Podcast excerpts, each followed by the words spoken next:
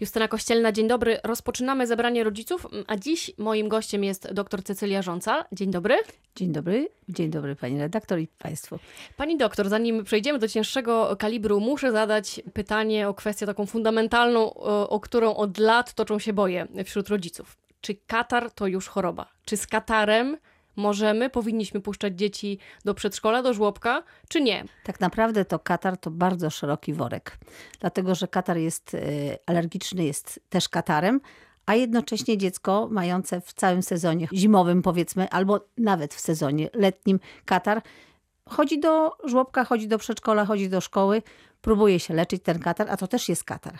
Więc nie patrzmy tak na siebie wilkiem, jeżeli przyprowadzamy dziecko z katarem do przedszkola, żłobka, możemy zapytać drugiego rodzica. Możemy e, zapytać, czy pani była u lekarza. Natomiast nie zawsze trzeba odsądzać tych rodziców od czci wiary, że puszczają chore dziecko do przedszkola. A jeżeli to nie jest katar alergiczny, bo takie argumenty się pojawiają po stronie rodziców, którzy uważają, że z katarem chodzimy normalnie, no bo nikt mi na katar nie wystawi zwolnienia z pracy, prawda? Dokładnie. Katar po przeziębieniu ciągnie się jeszcze przynajmniej przez tydzień to mm, jest takie powiedzenie, że katar leczony, katar nieleczony, jeden Tyle trwa siedem, tak, tak, siedem dni, a drugi tydzień. Ale to też jest nieprawda. Ten katar potrafi ciągnąć się dłużej. Jest odczynowe wydzielanie.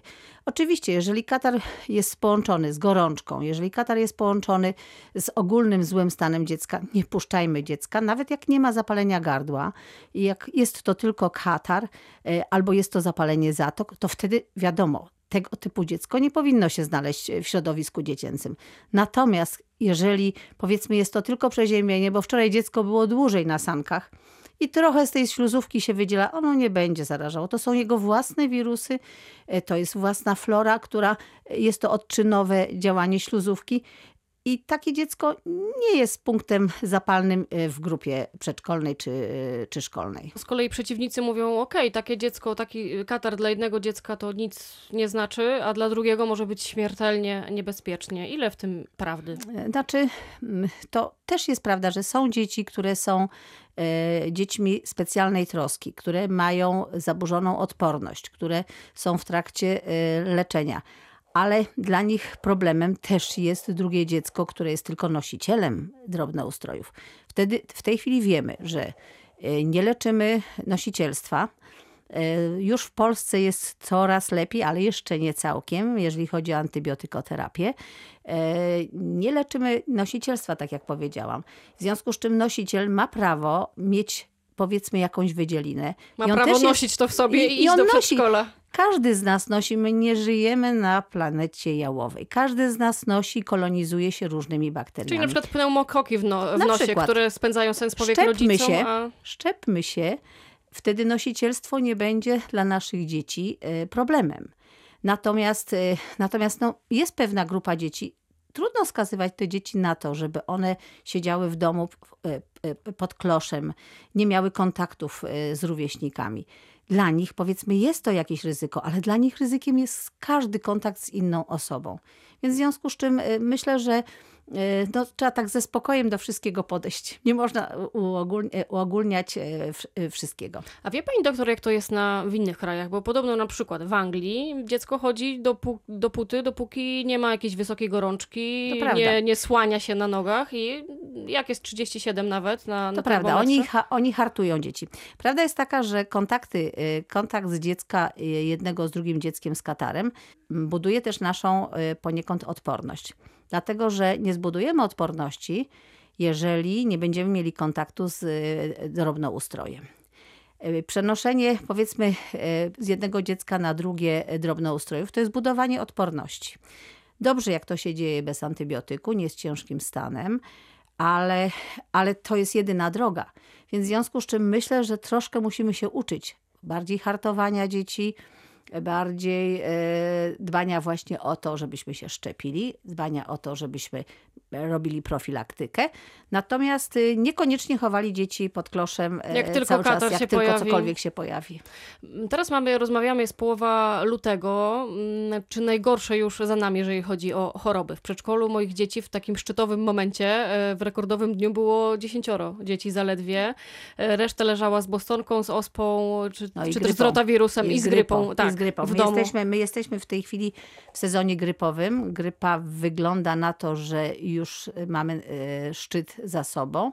W naszym województwie na całe szczęście ona e, chyba największe nasilenie miała, e, miała w momencie, kiedy były ferie zimowe, więc część młodzieży wyjechała, tych starszych dzieciaków wyjechała i przez to jakby rozprzestrzenienie na pewno się zmniejszyło. Maluchy rzeczywiście w tym okresie e, bywało tak, że w grupie pozostawała trójka, czwórka, piątka dzieci.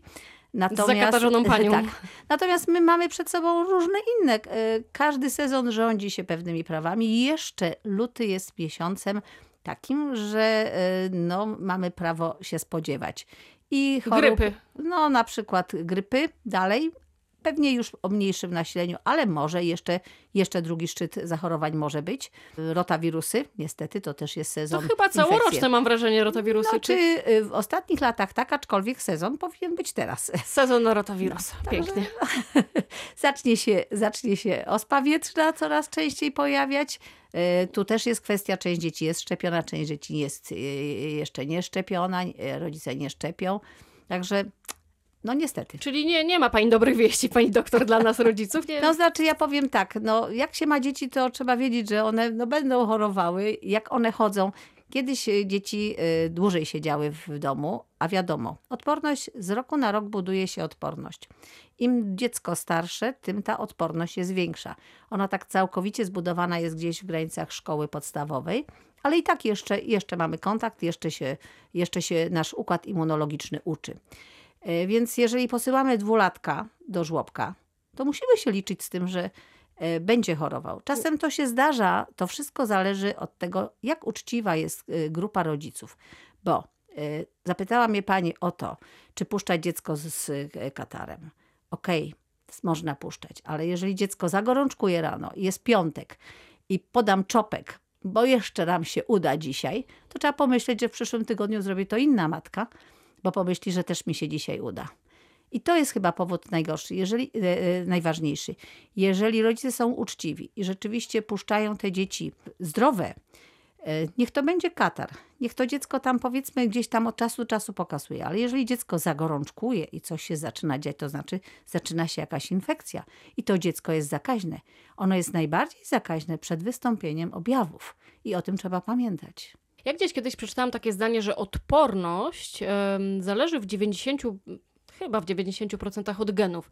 Trochę mnie to uspokoiło, bo moje dzieci wtedy bardzo mocno chorowały, więc pomyślałam, okej, to nie znaczy, że ja coś źle robię, tylko po prostu może jakieś słabsze geny. Ale ile w tym prawdy? Ile właśnie geny, a No, ile czy- środowisko? No nie, no geny, geny to jest kwestia e, powiedzmy niewielkiego procenta chorób e, genetycznych, które e, rzeczywiście dają nam bardzo słabą odporność i z którą no, lekarze muszą walczyć i pomagać pacjentowi.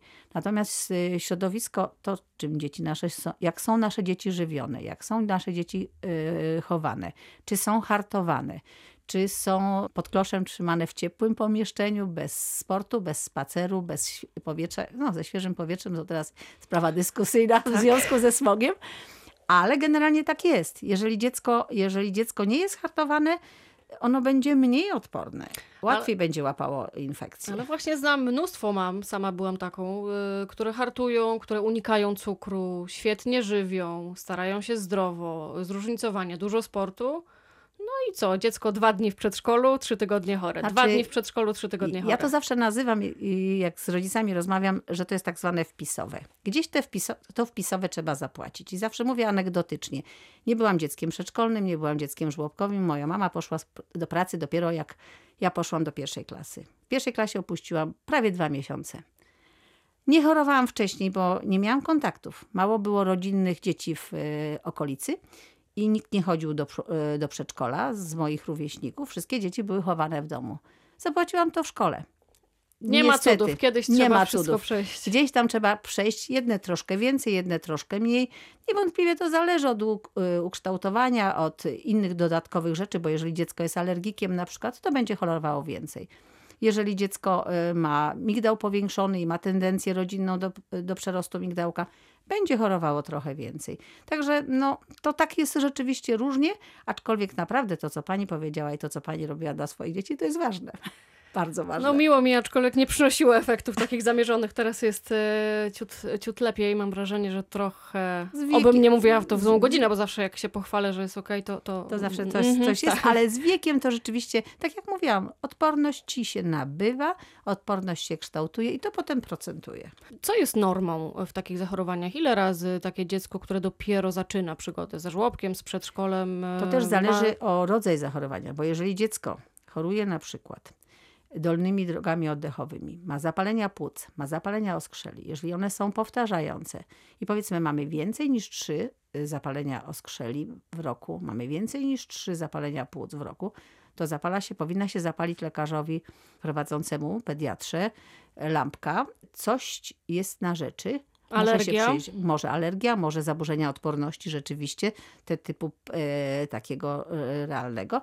I trzeba się przyglądnąć. Może jest anemia, może coś się dzieje z dzieckiem, że tak łatwo łapie i że są to infekcje takie poważniejsze. Bo jeżeli dziecko przechodzi e, nawet kilka razy w roku zwykłe przeziębienie, czy powiedzmy no taki nieżyt e, nosogardła, górnych dróg oddechowych, który nie wymaga antybiotyku, w miarę szybko się leczy. Po kilku dniach dziecko jest w dobrym stanie i zasadniczo może iść mm, e, z powrotem do przedszkola, żłobka, to jakby jest to to budowanie odporności. Ile, raz, ile takich infekcji może się przytrafić? Praktycznie no, może się zdarzyć dużo, dlatego że e, tych rodzajów drobnoustrojów też jest dużo. Jeżeli mamy pecha i mamy grupę dzieci dużą, to jest jeszcze kwestia kolejna, że są różne przedszkola, różne żłobki, e, są grupy e, kilkuosobowe i te dzieci jakby wymienią tą swoją florę chorobotwórczą i jakby I szybciutko okej. i szybko jest ok, ale są grupy kilkunasto, kilkudziesięcioosobowe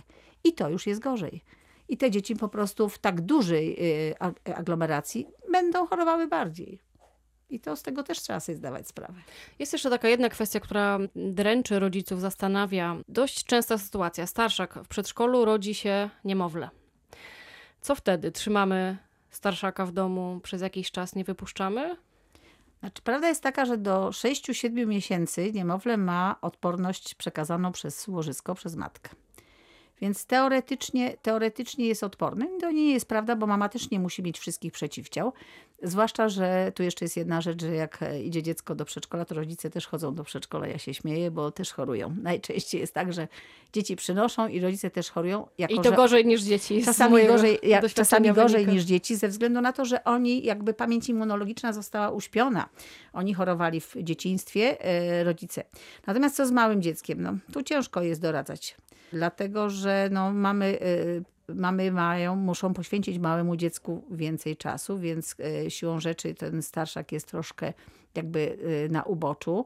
Tu naprawdę to Każdy trzeba indywidualnie trzeba musi- indywidualnie, dlatego że e, to też trzeba popatrzeć, ile korzyści, a ile mm, strat zyskamy. Jeżeli dziecko rzeczywiście będzie starsze, jeżeli dziecko starsze rzeczywiście dużo choruje, to może poczekać. Dlatego, że e, to niczego nie zmieni, a to młodsze dziecko będzie kupowało infekcje. Także tutaj rodzice muszą jakby e, bilans strat i, i e, korzyści. To trzeba spróbować. No czasem sytuacje są różne sytuacje, materialne, osobowe. Czasem ta mama nie daje rady z dwójką dzieci. E, Nie ma nikogo do pomocy. Naprawdę to, to wszystko trzeba e, rozważyć. Nie, moż, nie można zdać złotej rady, niestety. Dobrze, w tym e, miejscu postawimy kropkę. Moim gościem była dzisiaj pediatra dr Cecylia Rząca, a pytała Justyna Kościelna. Dziękuję bardzo. Dziękuję.